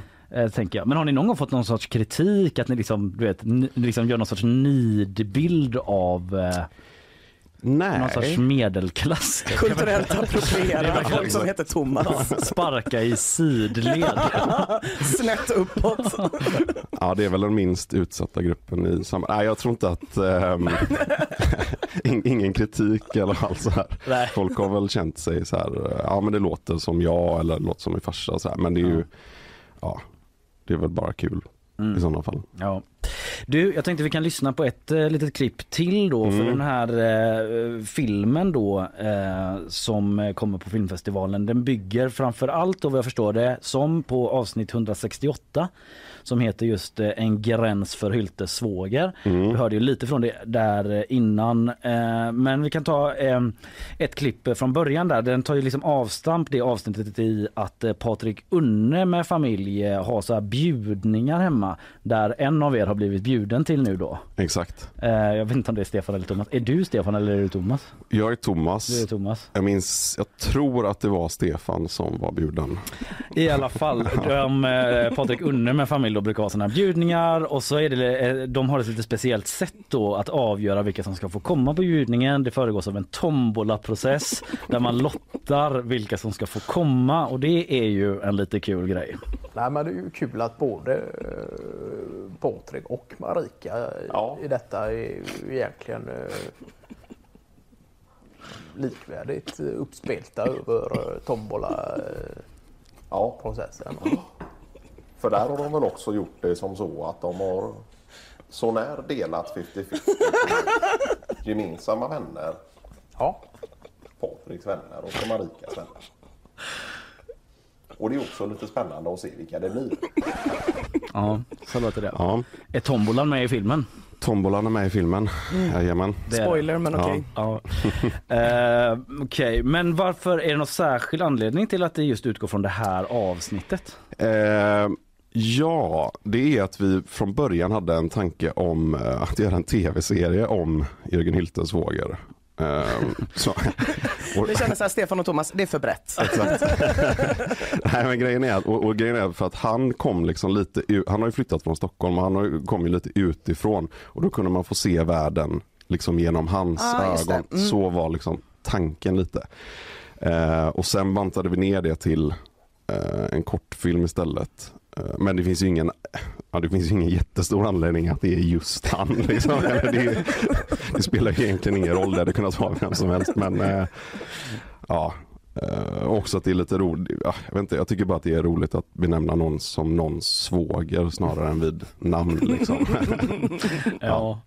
Eh, vad, eh, vad, vad har varit utmaningarna då? Av Att omsätta det här till bild och ändå någon sorts dramaturgisk båge kanske det behöver vara i en kortfilm, eller? Det har ju varit det stora, det har ju varit vår stora utmaning. Mm. Det är ju att få med finansiärerna på att det inte ska vara någon som helst dramatik eller konflikt. Ja. Vad är det för finansiärer? Nej men det är ju liksom, och det, ja, det, det har ju varit vår stora utmaning. Um, och försöka övertyga folk om att det kan vara intressant att kolla även om det inte finns någon konflikt. Och jag vet inte om det är liksom, jag vet inte om det är, ja, för mig känns det nytt i alla fall att inte ha någon som helst spänning typ. Ja. När det ändå är en spelfilm också. För ni har ju Exakt. riktiga, eller det är skådespelare som Ja, ja, se de här rollerna. Ja. Hur såg den castingprocessen ut? Lite blandat. Vissa är skådespelare, vissa är helt amatörer. Mm. Eh, ganska stor del från min släkt. Mm. Eh, fyra stycken är liksom så här direkt kopplade till mig. Typ någon ja, morsans kusin och lite sådär på Mm. olika håll. Eh, och där har jag egentligen bara gått på magkänsla. Mm. Eh, inte ens provspelat. Utan bara tänkt det här kommer passa bra i den här rollen. Liksom. Ja. Ehm, Så det var en chansning men man måste väl också lita på den. Eller man har inte så mycket att gå på annars om man inte kan lita på sin magkänsla. Eh, och sen var det väl, ja, men alla är liksom handplockade. Det, det, är ganska, det var ett ganska gediget castingarbete skulle jag ändå säga. Mm. Det, tog ganska, det har tagit ganska lång tid liksom. Vi har verkligen velat få allt att stämma för det är svårt också. Det är så små detaljer i filmen som man kanske inte märker nödvändigtvis första gången man tittar. Men om man vill så, så är det roligt att kolla några gånger för det liksom är så här små vi har försökt göra det ganska liksom finstilt med små detaljer, och ansiktsuttryck och grejer. Så. Mm. Men ehm, eh, går, det, går det att säga vad, vad filmen handlar om? En, en... Nej, jag har svårt att säga det i alla fall. Alltså handlingen i sig är ju helt ointressant. Mm. Själva handlingen. Ehm, men det är ganska, den, den, det är en film som bygger på liksom i princip bara på dialog och det gör ju många filmer i och för sig. Mm. Men ehm, jag tror att det här jämna tempot, eh, komedi utan skämt eller punchlines eller liksom tokigheter och den här konfliktfria världen är väl det vi liksom har satsat på att göra helt enkelt. Ehm, och sen vad den handlar om, ja. Man får se den helt enkelt. Ja. Men det är, för det är ju roligt just att det är totalt konfliktfritt hela tiden Mm. i podden också. Det är Mm. mycket där, ja, jajamän. Men det är så bara otroligt skönt. Ja. För det känns som att typ så här, om man tänker för 20 år sedan så var ju, ja, jag säger inte att det fanns mer konfliktfria grejer då, men i alla fall innan sociala medier så var det inte som att man översköljdes av sån extremt tafflig tillyxad mikrodramaturgi typ 70 Ah, gånger per dag. Där det. det. hela tiden är så här: watch till end, Mm. look at this clip. Folk och det är bara bara punchlines, lyssna- punchlines, en punchlines. halv sekund, Exakt. allt Och allt är bara så jävla yxigt för att typ tilltala ens allra lägsta form av det finns ett slut på den här berättelsen och jag måste veta hur det slutar typ. Mm. Eh, Så man blir för fan helt utmattad. Så det är också så jävla skönt att lyssna på grejer där inte någon har bestämt när Mm. det ska när jag ska skratta, när det ska vara kul. Ja precis, jag har nog inte tänkt på det så eh, noga men när du säger det så är det nog det. Att det är skönt och roligt att det Ja. bryter av så jäkla mycket. Jag tänker, vi- ska vi lyssna? Vi- Jag har faktiskt trailern också eh, till filmen. Vi kan lyssna en liten bit på den. Hur många jobbar det? Tio personer, måndag till fredag.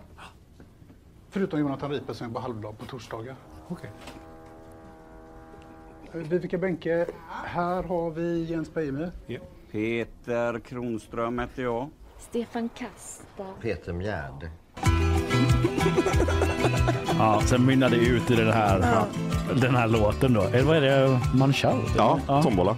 Tombola. Ja, La- låten heter Tombola. Tombola. Ja, ja, okej. För, för ehm, alla de här namnen återkommer ju där. Går det att exakt. pinpointa vad som är ett Stefan och Thomas namn? Det har ju utvecklats med, med åren. Mm. Det började ju ganska liksom i lite vanligare namn skulle jag säga. Mm. Eh, typ eh, Magnander. Mats Härd, Mats. GP-koppling. Ja, ja, det, det kommer väl därifrån. som Ja. heter det, eller hette det som jobbar Exakt, förut. klassiker. Eh, sport. Ja. Hon, ja. Men eh, nej, alltså nu, har det, nu har det blivit många namn med ändelsen E. Typ Mm. eh, Paul Ronge, eh, Jesper Linse, Jim Fälte. Eh, det har liksom, så det går lite i, det, det är ju väldigt, det är ju svårt att fatta om man inte lyssnar på alla avsnitt, just den utvecklingen. Men för oss blir det väldigt tydligt att det finns att liksom namnen går i perioder. Mm. Ehm, och ibland går man igång på att bara nämna de mest, eh, ja, som folk känner igen liksom. Eh, Kasta och ibland, till exempel. Ja precis och ibland är det kul att eh, helt plötsligt kommer någon helt ny efter liksom sex år som är så här, ja, han är ju jättevälbekant men har aldrig nämnts innan. Eh, och det är också lite kul vad ett nytt namn kan innebära liksom. Ja. Ja. Eh, Men jag tänker då, eh, ja men den här filmen eh, den tävlade i en av åtta filmer i startsladden Mm. och sådär. Eh, Hur är, hur är känslan inför det? Är du nervös för att visa upp det eller? Ja men det är jag absolut. Ehm, det ska bli det ska framförallt bli så väldigt, väldigt kul att kunna visa den. Um, kanske låter konstigt men jag tänker kortfilm är liksom, det är inte så självklart att man ser kortfilmer eller ens kan visa dem. Nej det måste ju vara liksom målbilden är ju Göteborgs filmfestival Ja. gissar jag och så kommer man inte med där så är det så här, ja det var ju Ja, verkligen röven Ja. liksom. Mm. Exakt. Ehm, så det känns väldigt kul och det är ju premiär på Draken och sådär så det ska bli otroligt roligt faktiskt. Eh, så det skulle jag säga är den stora vinsten, det är att liksom faktiskt få visa den. Det Mm. känns eh, extremt kul. Du hade ett resonemang i, Ina innan i morse här om att liksom hela Konstab-gänget Ja, ja, ja, om att varje- Konstab, ja men precis och det har jag, det har jag även uttalat mig medialt kring. Ja. Att ni är så otroligt eh, eh, fantastiska. Få personer som gör att man typ känner sig stolt för att bo i den här stan. Ja, vad men kul, men ni är ju det. Men ni är ju också sämst i världen på att tjäna pengar. Ja, det... det- tjänar ju inga pengar och det, det, det liksom stressar mig. Det stressar Ja. mig jättemycket. Det är som, eh, eh, du är väl också inblandad i en restaurang? Du är inte inblandad inte inblandad, den är i men liksom utkanten av er. utkanten. Ja, den är ett bra exempel. Mm. Fantastisk mat serveras till alldeles för låga priser. Ja. Och varje gång jag går dit så är jag så här, försöker jag liksom, jag bara, men maten är svinbra. Ni kommer fortsätta ha den här restaurangen så länge som ni tycker att det är kul och det inte kommer andra jobb. Ni måste ta priser som gör att ni kommer de dagarna ni inte tycker det är kul Ja. och, och, och Ja. kan säga nej till andra jobb. Varför tjänar ni så lite pengar Anton? Nej, men det är väl för, ja, Dels så tror jag att vår publik är dålig på, om man pratar om typ våra teatrar som vi gjort innan, Mm. så känns det som att vår publik är dålig, eller inte betalar, inte går på teater om det inte typ kostar lite. Nej. Och det har ju varit en grej, vi, vi, och det har också varit en så här demokratisk grej att vi har tänkt att eh, när vi spelade i Stockholm då tog vi liksom 100 spänn per biljett. Det är ju så extremt lite. Mm, jag blir så Eh, vansinnig när jag hör det, men Ja, fortsätt. Mm. men det gör också att man, vi också så här, från början handlar det om att också kunna dra folk och kunna Mm. fylla salongerna och det har ju å andra sidan hjälpt oss nu. Mm. Att vi liksom, ja. Då räcker jag upp handen här då Mm. och bara säger så här, om det ändå är att man vill bygga en stor publik så hade ni ett ganska framgångsrikt Instagramkonto som hette olika personer Ja. där ni kunde Där, ja, ni hade väl tiotusentals följare? Ja. Det var ju ändå hetaste Det skiten var, det var den i hetaste landet skiten i landet eh, och det var ju ändå så här, här är publik, lätt att sälja biljetter. Det lades ner. Ja. Mm. Så jag bara, jag bara koll bullshit på det där. Nej, nej men jag, jag, jag tycker det är sjukt mäktigt och imponerande men jag är också svinrädd att ni ska typ ta något tråkigt välbetalt jobb när ni får en massa barn och behöver jättemycket pengar. Mm, det, jag tror inte att det kommer hända. Jag tror att vi har jobbat in den här känslan av att, eh, av att ha typ lite pengar och att Mm. återinvestera allt i konsten på något sätt. Den är så grundmurad så att jag, jag tror inte att vi kommer hamna där. Men det är klart att, att det är annorlunda förutsättningar nu än för liksom sju år sedan när vi, vi delade lägenhet i Stockholm. Så nu har ju liksom Ossian barn och sådär. Det, det är lite annorlunda men jag tror, i slutändan så tror jag att liksom återinvesterar man och bara fortsätter så, det kommer betala av sig snart. Mm. Så liksom, Men 250 spänn för en teaterbiljett. ja, det kan man kanske ta. Nu, nu kanske, ja, jag vet inte fan om jag hade Och nu betalat. när alla är så backa Folkteatern och så. Ska det Bara så, kunna- femmer i DN, man bara 250 spänn, du kan du hosta upp. Ja. Men eh, bara snabb kontext för lyssnarna. Så Konstab det är ju någon sorts ert liksom, kollektiv med Mm, det här gänget precis. från olika personer, kanske plus någon till. Jag vet Mm. inte. Men, eh, Ja, det är ju som, några fler nu men liksom, ja. och ni precis. gör, eh, då, Konstab håller också på med en film som har premiär snart. Mm, precis, en långfilm som heter Vernissage hos Gud. Ja. Som också har premiär faktiskt på filmfestivalen. Ja, okej. Eh, och Den har Ja. då Ossian och eh, Aladdin skrivit som är mina arbetskollegor. Mm. Och vi gör ju liksom mer eller mindre allt tillsammans. Ehm, så. Vi jobbar med varandras projekt och ja, Ja. verkligen kollektivt. Det ser vi fram emot att se den filmen också då. Det gör vi och om ni behöver hjälp med att pressa upp fakturorna så ring bara. Krämar. Göteborgs krämarsjälen i blodet. Det är bra, där har du lite tips. Eh, Anton Hellström, tusen tack för att du kom hit. Ja tack så Eh, jättemycket och vad och- kul det ska bli att se filmen. Yes, Jörgen underbart. Hyltes svåger, eh, premiär på Göteborgs filmfestival. Tack för idag. Tack så mycket. Tack för idag. Yes, hej. Hej hej. Ja, vi ska ju raskt eh, vidare eh, i programmet eh, mot bakvagnen och saker som hänt det senaste dygnet. Men innan det så ska vi ha lite sponsormeddelanden. De kommer här. Nyhetsshowen presenteras av Skeppsholmen, Sveriges vackraste hem och fastigheter. Lilla soffbutiken med det stora urvalet. Mjuk biltvätt, en ren upplevelse. Clearly, kontaktlinser på apotek. En underbar människa som hatar pengar har lämnat studion. Ja, har lämnat studion. Anton Hellström. Det var kul att prata med honom. Jag hade kunnat prata hur länge som helst. Mm. Jag, jag liksom lyssnade ju ganska mycket på Stefans och Thomas Back in the Day. Det är en underbar podd, men den går nästan inte att lyssna på. Ja, det är fantastiskt. Det är fantastiskt. Och jag blir irriterad på mig själv eftersom att jag blir någon sån jävla managementkonsult varje gång jag träffar någon i det här gänget.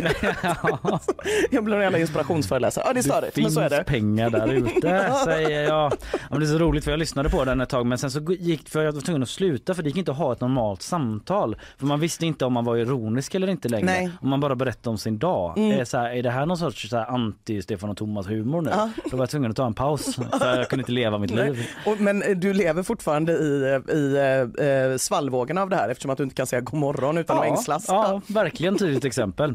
Eh, Isabella Persson, du är Hej. med oss återigen. Hallå, Ja. hallå. Hej. Är du ett Stefan och Thomas-fan? Eller är det nytt för dig detta? Väldigt nytt för mig. Kände du att du liksom hängde med på grejen? För jag tycker det är, du är ett bra exempel då på kanske många som lyssnar som kanske inte heller har koll på dem. Nej. Fattade du typ vad det handlar om eller var det bara så här? ah, Ja, jo men det tycker jag man gjorde och framförallt så tycker jag man ville Alltså när man hörde på de här klippen så förstod man inte riktigt sammanhanget får jag säga.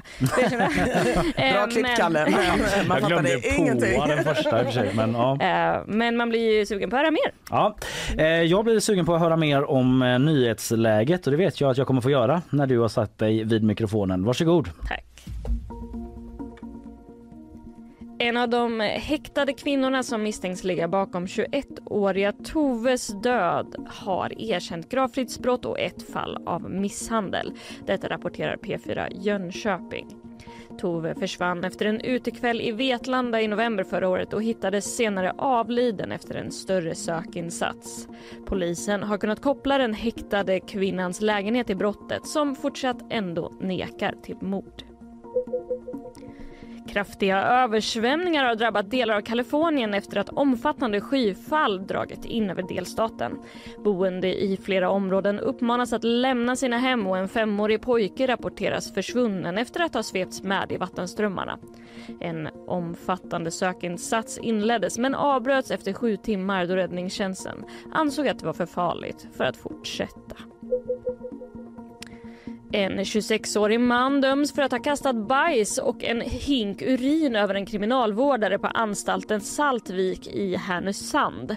26-åringen är från början hemmahörande i Hisingsbacka och agerandet misstänks vara en hämndaktion mot vårdaren då han inte ska vara speciellt omtyckt av vissa intagna. Händelsen väckte jubel bland andra intagna men har nu också lett till att han döms till förgripelse mot tjänsteman. Ja, dålig PR för Hisings Backa. Ja, det, och, och det var det sista de behövde. Ja, det, så är det. Eh, tack Isabella. vi Tack ska så kasta mycket. oss eh, rakt in i BV. Det ska vi. Bakvagnen alltså. Eh, vi gör det. Tack Isabella.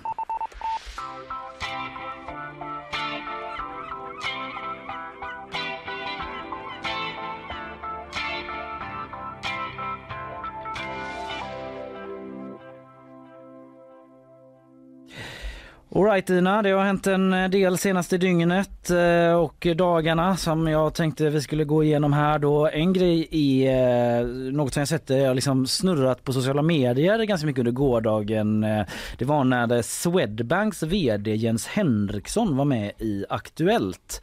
Han var där inbjuden då eh, för att prata om att det går så jäkla bra för bankerna nu. De tjänar Ah. mycket pengar, de hade gjort en större vinst än vad de gjort sedan 2018 tror jag det var de sa i Aktuellt. Och det sticker ju lite i ögonen då för eh, den vanliga svensken där ute Ah. som ju kämpar med eh, höga räntor inte minst då. För det funkar ju lite så att eh, när det går dåligt så säger banken det går lite dåligt nu, det Mm. får du betala Ja, för. Man ja. bara, måste det vara så? Och folk är också lite, folk är också lite, nu fortsätter jag på entreprenörsspåret här, folk är också lite missunnsamma mot banker generellt. Det är väldigt sällan en bank går med rekordvinst och man hör folk säga väl unt. Ja, vad bra jobbat. Liksom. Kul för dem.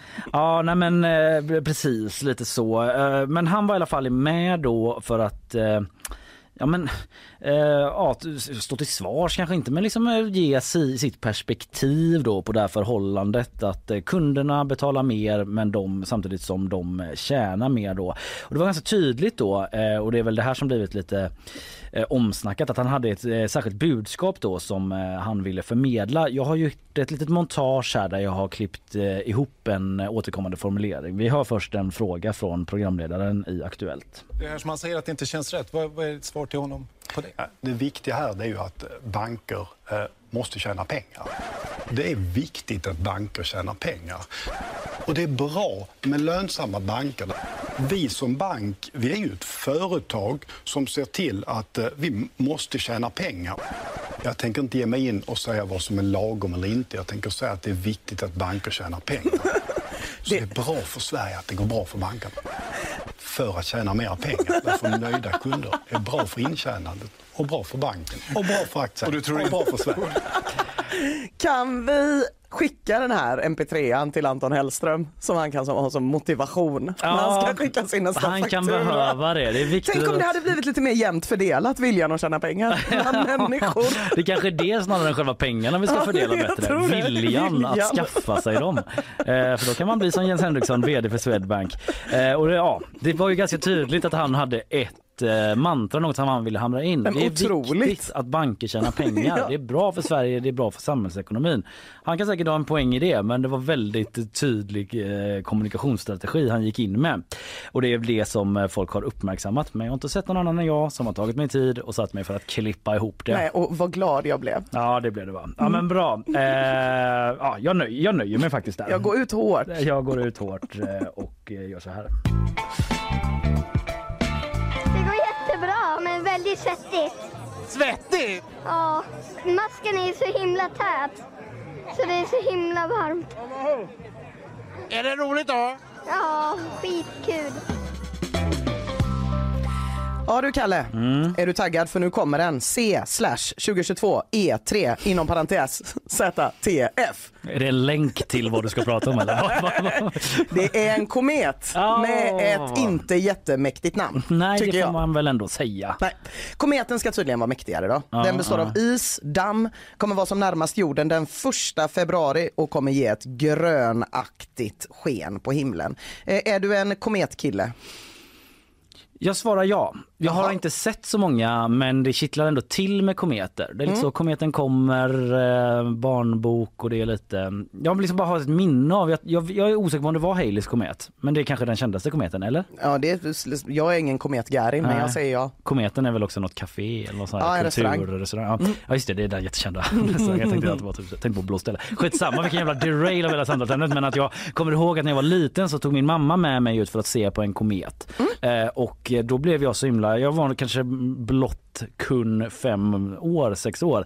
Men att jag blev så jävla gripen av att det här var enda gången jag skulle få se den för den passerade så vart hundrade år. Ja. Så att jag vet, stod så och blinkade hela tiden för att jag så här du vet, jag får inte blinka när den kommer nu. Nej. Och att just det där är att så här, nu kommer den förbi, sen är den borta, svallvågor mot att så här, vi är så pyttesmå i eh, universums oändlighet. Det kan jag ändå gå igång på. Sen om det räcker för att kvalificera mig som en eh, komet-Gary, det vet jag inte. det vet jag inte. Men så känner nej, jag. Nej, Mm. eh, och det, ja, kom, komet-Gary heller inte. Eh, det- kometer kan ju komma tillbaka. Så det, Ja, ju. det ja. brukar ju ta ganska lång tid. Den här kometen till exempel, den har passerat jorden tidigare för 50 000 år sedan.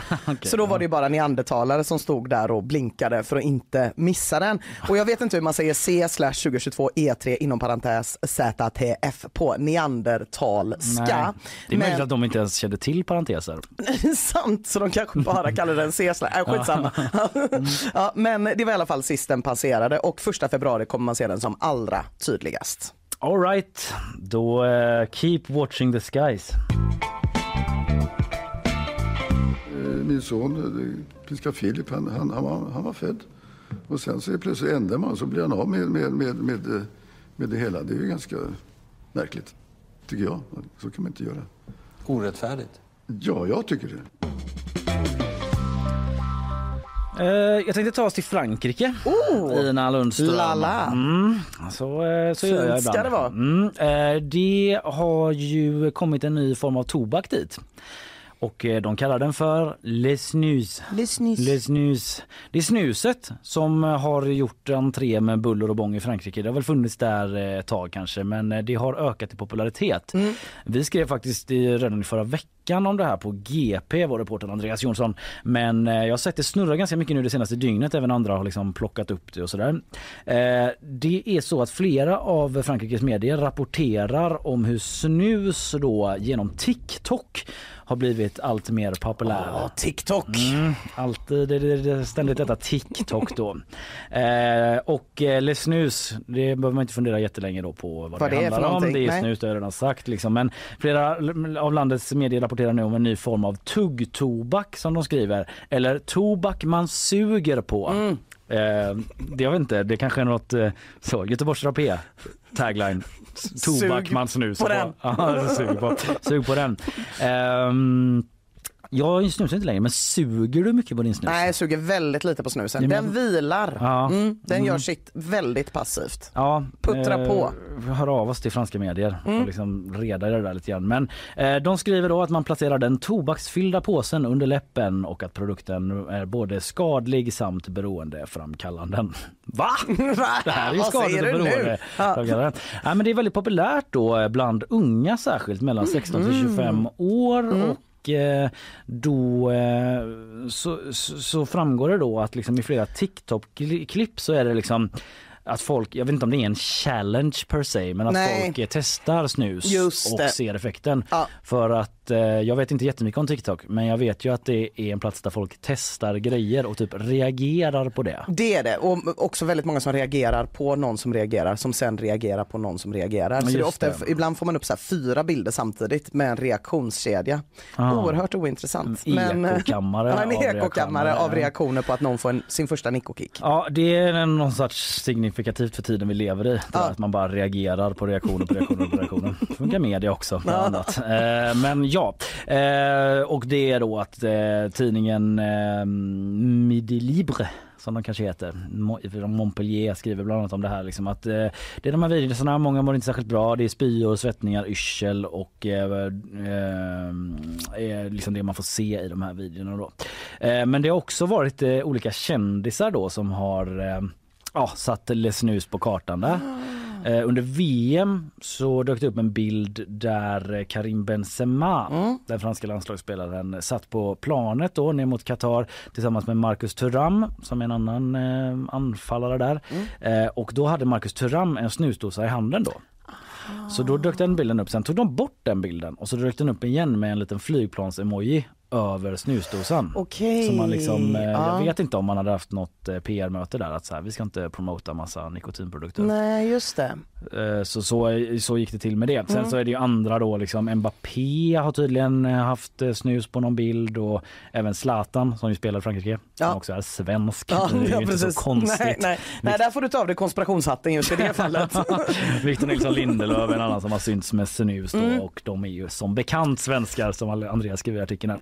Men eh, ja, sist eh, ut då, det är ju liksom olagligt att sälja snus i Frankrike och i hela EU. Det är ju bara Sverige som har specialtillstånd Mm, ja, för ja, det. man får ta med sig om man åker dit. Ja precis, Mm. men även det har jag ju bekanta som har stött på patrull. I alla fall utanför Europa. Ja, Alltså utanför Europa kan det vara. I Thailand. Ja, då måste man förklara. Ja, så Mm. är man svinsvettig för att det är ganska stränga narkotikaregler i Precis. till exempel Thailand. Mm. Eh, Men i alla fall, eh, då skriver, eh, i vår artikel står det så här, polisen i Marseille är tränad för att hantera snus då.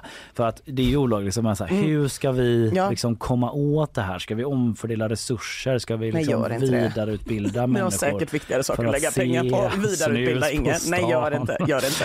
Eh, Jag säger direkt, dålig idé. de har pratat flera medier med experter i alla fall som berättar då att ehm, ehm, Nej men eh, som just berättar om hur farligt det är då liksom att det är så himla beroendeframkallande men att de har varit i eh, des- den franska tv-kanalen eh, TF1 har varit i kontakt med en polis eh, en poliskälla då i Marseille eh, som berättar att Marseillepolisen inte är tränad för att hantera den nya produktens ökade popularitet samt att de ännu inte har någon särskild ökad vaksamhet kring snuset. Så de Nej. har inte varit ute med snusbarn Nej. på krogen. Om Än. man sitter och suger i sig halva överläppen så är det inte Nej. Le Police. Nej precis. Och så är det i. Frankrike också så man vet aldrig om det är ett snus eller ett gammalt grodlår. Va? Det var ändå slapp stereotyp om jag, jag kan, kan inte du känna det ibland Kalle att man saknar en tid när 90% av all rasism var riktad mot fransmän? Ja, det var tryggare på något sätt. Tryggare De har så bra självförtroende så de blir inte När det arga, var så liksom. oj oj oj där kommer det en annan grodätare och tror att han är något. Det är bara en liten grej jag saknar, förlåt. Ja. I backarna. Ordet katastrof ska vi inte använda i de här sammanhangen. Nej, kanske det, inte. det är jordbävningar och lite Ja, andra jo, det är sant. ska vi men men det använder du och, och Nej, inte jag längre. Och, och Aldrig. det Inte under de senaste åren. Ah, okej. Finns inte. Ja, då hade vi den igen. Ja, men den det- smärtsamma. Det, det, det är helt lugnt. Eh, Vi fortsätter faktiskt med fransmännen. Mm. Eh, De eh, är nämligen aktuella på fler sätt. Det känns, eftersom att jag redan har kommit ut med att jag har jättemycket fördomar om fransmän, som att manstypen Per Moberg eller Jan Guillou inte är särskilt ovanlig i Frankrike. Nej, Jan Guillou är väl därifrån. Ja, det hör alltså man ju på namnet. In the, i, in the släktträd. Eller hur? Jag tror det är tätt eh, i Frankrike mellan oljerocksmän som har frysen fulla med egenskjutet vilt och gärna tar med sig en liten finplunta ut när det ska jagas.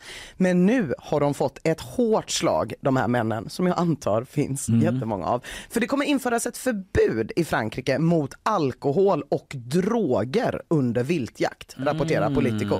Det är deras liksom sjöfylledebatt som pågår där. Sådana Ulf Brumberg-personer som bara, det är som bara, att här, jag kan. Här är liksom den mest grundläggande mänskliga friheten. Ja. Som finns. Och då vet vi att fransmän är suckers för mänskliga friheter. Ja, det är ja. mycket liberté och egalité och allt det där. Och vin. Och vin. Ja. Jag älskar det här nya segmentet, rasism mot fransmän. Låt oss ha det varje vecka. Eh, nej, och det har ju varit en rad jaktolyckor som det är. Eh, en uppmärksammad var en person som avled faktiskt efter att ha blivit misstagen för ett vildsvin i en trädgård. Så att så här, det händer ju jaktolyckor, det är inte sällan i kombination med alkohol och nu ska man då se över de här reglerna. Mm. Jag tycker det var lite konstigt att det också kommer införas, införas ett förbud mot eh, droger under viltjakt. Eh, Känns som att det redan borde varit det. förbjudet. Ja, har det tidigare varit typ som ett, eh, vad heter det, Christiania med jakt? Du får aldrig knarka utom om du har ett gevär. Ja exakt, som man sitter på någon sån, något rave typ. Hög på ecstasy kanske? Hög på Ja. ecstasy och så är det så, här, nu kommer polisen. Bara, men ser du vad jag har här då? En pistol typ. Jag ska jaga vildsvin. Så de här reglerna kommer eh, ses över nu i alla fall. Eh, och eh, antijaktorganisationer i Frankrike har också velat införa ett förbud mot att jaga på söndagar. Eh, för att på så sätt också minska eh, olyckorna antagligen på grund av olika bakfulla oljerocksmän. Ja, Men det just det. kravet har inte gått igenom. Nej nej, okej. Eh, Min son, eh, Pinska Filip, han, han, han, var, han var född. Och sen så är plötsligt ändrar man så blir han av med, med, med, med, med det hela. Det är ju ganska märkligt, tycker jag. Så kan man inte göra. Orättfärdigt. Ja, jag tycker det. Ändra saker. Mm. Kan man inte göra. Kan man inte göra. Eh, jag har en grej till. Grymt. Eh, jag kör den. Gör det. Eh, det. Ett konstverk har rivits i Göteborg, ett väldigt uppmärksammat. Det finns inte mer. Det är Carolina Falkholts verk Lesbisk häxhora i Mm. Gårda. Känner du till? Mm, Ska nej. säga att jag inte gjorde det. Nej, nej, jag eh, blandade ihop det med en på ringen som Ja. också är Carolina Falkholt. För henne känner man ju till. Hon är ju gjort sig känd för att eh, måla eh, olika ja, ganska kontroversiella motiv då. Mm. Eh, det är allt från manliga till kvinnliga könsorgan. Ja. kanske kanske Allt från Men det är mycket, mycket de två eh, punkterna hon rör sig Ja. emellan ändå. Ja. Det tror jag man kan säga utan att jag är någon konstkännare. Ja. Eh, en person i min närhet har liksom sagt att hon har liksom hackat eh, att vara konstnär i offentligheten för att hon inte skapar verk som alla pratar om och då Mm. gör man ett nytt verk för att alla pratar om det. Att man inte kommenterar på sig själv i all oändlighet. Liksom. Mm. För det blir ju alltid diskussion då. Hon målar väl någon blå penis va? i Stockholm också Mm. vill jag minnas. Eh, jag tror det var hon. Det var i Stockholm. Mm. Det var i Stockholm. Eh, men i alla fall, hon hade eh, den här lesbisk le- eh, häxhora som hängde i Gårda, eller hängde, det var en fasadmålning. Mm. Under två år kunde förbipasserande i, förbipasserande i Gårda ta del av det här konstverket, läser jag i en artikel på gp.se. Men nu finns det inte längre kvar. Men det är inte så att man har rivit det här huset på grund av att man är trött på konstverket. Nej. Utan det har varit planerat att riva under en längre tid då. Det berättar eh, vdn för Skanska Fastigheter för oss på GP. Eh, och eh, vi satt på en tom kåk utan livslängd, en fastighet så dålig att den inte gick att göra någonting med. Och eh, konstnären ska ha vetat om då att eh, den, den ska försvinna. Så det verkar inte vara någon liksom, eh, fnurra på tråden Nej. mellan dem då. Men en, det liksom väcker väl en liten diskussion då om gatukonst. Liksom. Kommer Skanska Fastigheter vilja ha mer konst från Carolina Falkholt? De har ju anlitat en- henne en gång tidigare. Ehm, och ehm, Ja, han berättar att det var dock att det faktiskt inte var de som hörde av sig eh, med det här förslaget eh, till henne utan det var hon som hörde av sig till dem då. Ah. Och där vet jag inte om hon sa så här lex, lesbisk häxhora ska Nej, den heta. så ska den heta. där. Nej. Utan var, jag tänkte måla en grej. Mm. bara absolut. Mm. Men ehm, eh, då ställs lite frågor här då från GP till eh, Mikko Pettersson som eh, jobbar på eh, fastighetsbolaget här då och eh, om de liksom vill ha liknande motiv i eh, framtiden om de kommer söka henne igen. Mm. Då säger han det finns ingen anledning att utesluta någon konstnär överhuvudtaget. Vi har ju lite annan konst i våra byggnader. En liten staty som står bredvid Telehus till exempel. Ja. Eh, att det liksom dansas lite runt då om Ja. de kommer anlita henne igen om de vill ha en likadan. Eh, fråga från GP, öppnar du för ännu mer äventyrlig konst i Gårda? Så det känns som det finns en liten ton här Ja, det finns så här, eh, Ja. Blev ni nöjda? Ja, Vill ni ha samma ni? Igen? Liksom, Mm. Att han eh, antingen inte alls plockar upp tonen eller bara Ja, inte vill liksom utesluta någon. Ja, precis. Ja. Eh, vi är öppna för saker skulle man kunna säga men det kommer ta några år innan byggnader står klara här. Så Mm. vi säger inte nej eh, till konst. Nej. Eh, så vad ska byggas och så kanske folk undrar vad man ska bygga då istället på den här platsen. Mm. Men, men det vet de inte ännu. Nej, Eh. det lär ju inte vara sista gången som det blir rubriker på Carolina Falkholts grejer i alla fall. Nej exakt, det här konstverket, jag har inte ens sagt hur det såg ut då men det var eh, ett fyra våningar högt eh, motiv som föreställde en böjd naken kvinna med blottat kön då. Mm. För vi får väl se om Carolina Falkholt eh, slår till i, igen här framöver. Han var ju, lite, han var ju då en, en, en, en, en, ruler så att säga. Eh, på ett annat sätt än en, en, en demokratisk stat. Men han, hade, han är väldigt, väldigt öppet. Istället för nära. Det blir ett totalt missförstånd. Ingen, ingen, man måste ju vara där och se det här, hur det fungerar. Ja du Kalle, prins Harrys memoarer går som tåget. Ja jäklar vad det snackas om Ja, dem du. det snackas och snackas. Den har varit ute i ett drygt dygn bara och redan sålt 400 000 exemplar. Världens helt tveklöst då nöjdaste förlagschef som är chef för det här förlaget, Larry Finlay. Han säger inte helt onöjd över att få till den här meningen. Så vitt vi vet är de enda böckerna som har sålt bättre på sin första dag de med den andra Harry. Ja. Förlagschefsfnisset är källa mig. Ja. Det stod inte med i någon artikel. Han Det är alltså Harry Potter Ja, han pratar om. Mm, Det verkar finnas lite fler likheter faktiskt. Eh, För att i Prince Harrys bok har vi kunnat se att eh, det har kommit lite utdrag, jag har inte läst den. Eh, Det har bland annat sagts att det är Eh, ett bråk mellan hans tjej Meghan och eh, Kate eh, som beskrivs i boken som ska handla om ett läppglans. Ja. Det är eh, hans bror som har puttat honom vid något tillfälle. Ja, det det är om, ja. intima eh, meningsutbyten kring begravningar med familjen och sådär. Mm. Det är liksom, eh, New York, eh, ja, jag kommer inte ihåg vilken amerikansk tidning det var som spekulerade i att det här kanske till och med var för snaskigt för amerikaner. Ja. Och då är de också väldigt, väldigt härdade. Eh, Men det finns en till likhet till Harry Potter i Prince Harrys bok. Det är Mm. att han i sin bok berättar om en magisk soptunna som kunde prata och talade direkt till prinsen. I och för sig när prinsen hade tryckt i sig sån här svamp och var rätt Mm. hög. Men Ja, just det. ändå. Det gjorde inte Harry Potter. Det- Eller jag minns inte den boken. Nej, jag har inte läst alla böckerna men jag tror inte han käkar svamp. Nej. Nej. Och nej, det finns säkert någon som fan-teori. Nu blir jag Mm. jätteledsen. Det finns säkert en hel Reddit-tråd som bara handlar Have you ever considered? Alltså just att hela den världen är bara Mm. en svamptripp. Ja. Ja. ja, det kan vi inte ha utesluta helt. Nej. Okej, men vadå? Så att eh, han skriver om att han har trippat på svampar, Harry? Det berättar han. Och att han börjar prata med en soptunna? Att han börjar prata med en soptunna. Så att, jag menar den här förlagschefen, Mm. jag, jag bara vill konstatera att vi har världens nöjdaste människa just idag. Många dagar vet vi inte vem som är Nej. nöjdast. Men idag vet vi att det är Larry Finlay. Det har aldrig varit så tydligt. Du, eh, klockan har slagit eh, halv nio här precis vilket Mm. betyder att vi eh, börjar runda av det här programmet som heter Nyhetsshowen och som sänds live från GP-huset.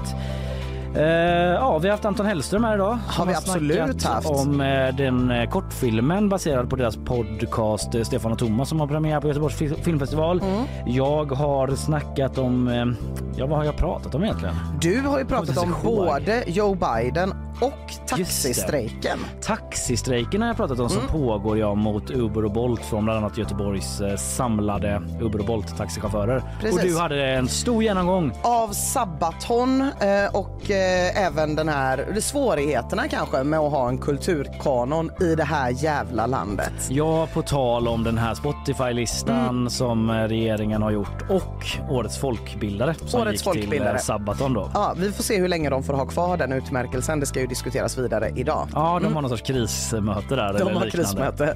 Ja, det får vi återkomma till. Eh, Vill du höra något av eh, detta, du som lyssnar, eh, som du inte har hört, eh, lyssna på podden. Den kommer ut här en stund efter sändning på alla relevanta plattformar. Eller så bara går du in på gp.se slash nyhetsshowen. Ja, och det är inte fel det. eh, hela skiten där. Det går bra det med. Det går kanon. Eh, Tack för idag. Hörs imorgon. Tack så mycket. Hej då.